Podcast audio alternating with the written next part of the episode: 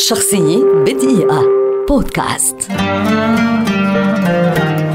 إلهام شاهين ممثلة مصرية كبيرة ولدت عام 1960 وتعد واحدة من أبرز نجمات السينما والدراما العربية منذ الثمانينات حتى اليوم.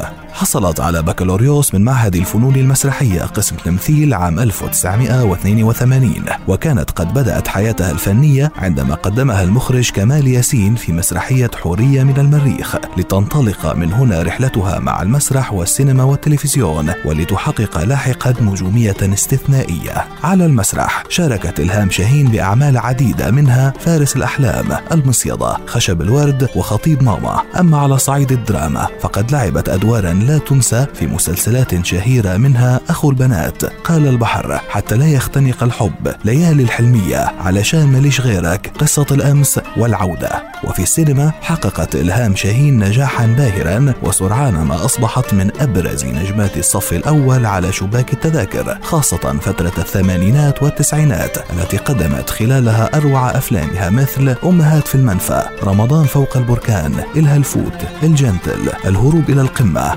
العار ويا دنيا يا غرامي. كما أن لها تجارب في الإنتاج مؤخرا في أعمال مثل أيام في الحب يوم للستات وهز وسط البلد. ولا تزال حتى اليوم تسجل حضورا لافتا وتسرق الأنظار كلما أطلت على الشاشة. حصلت إلهام شاهين خلال مسيرتها على جوائز عديدة داخل مصر وخارجها وحجزت لنفسها مكانة مرموقة بين نجمات التمثيل اللواتي سيتذكرهن تاريخ الفن العربي.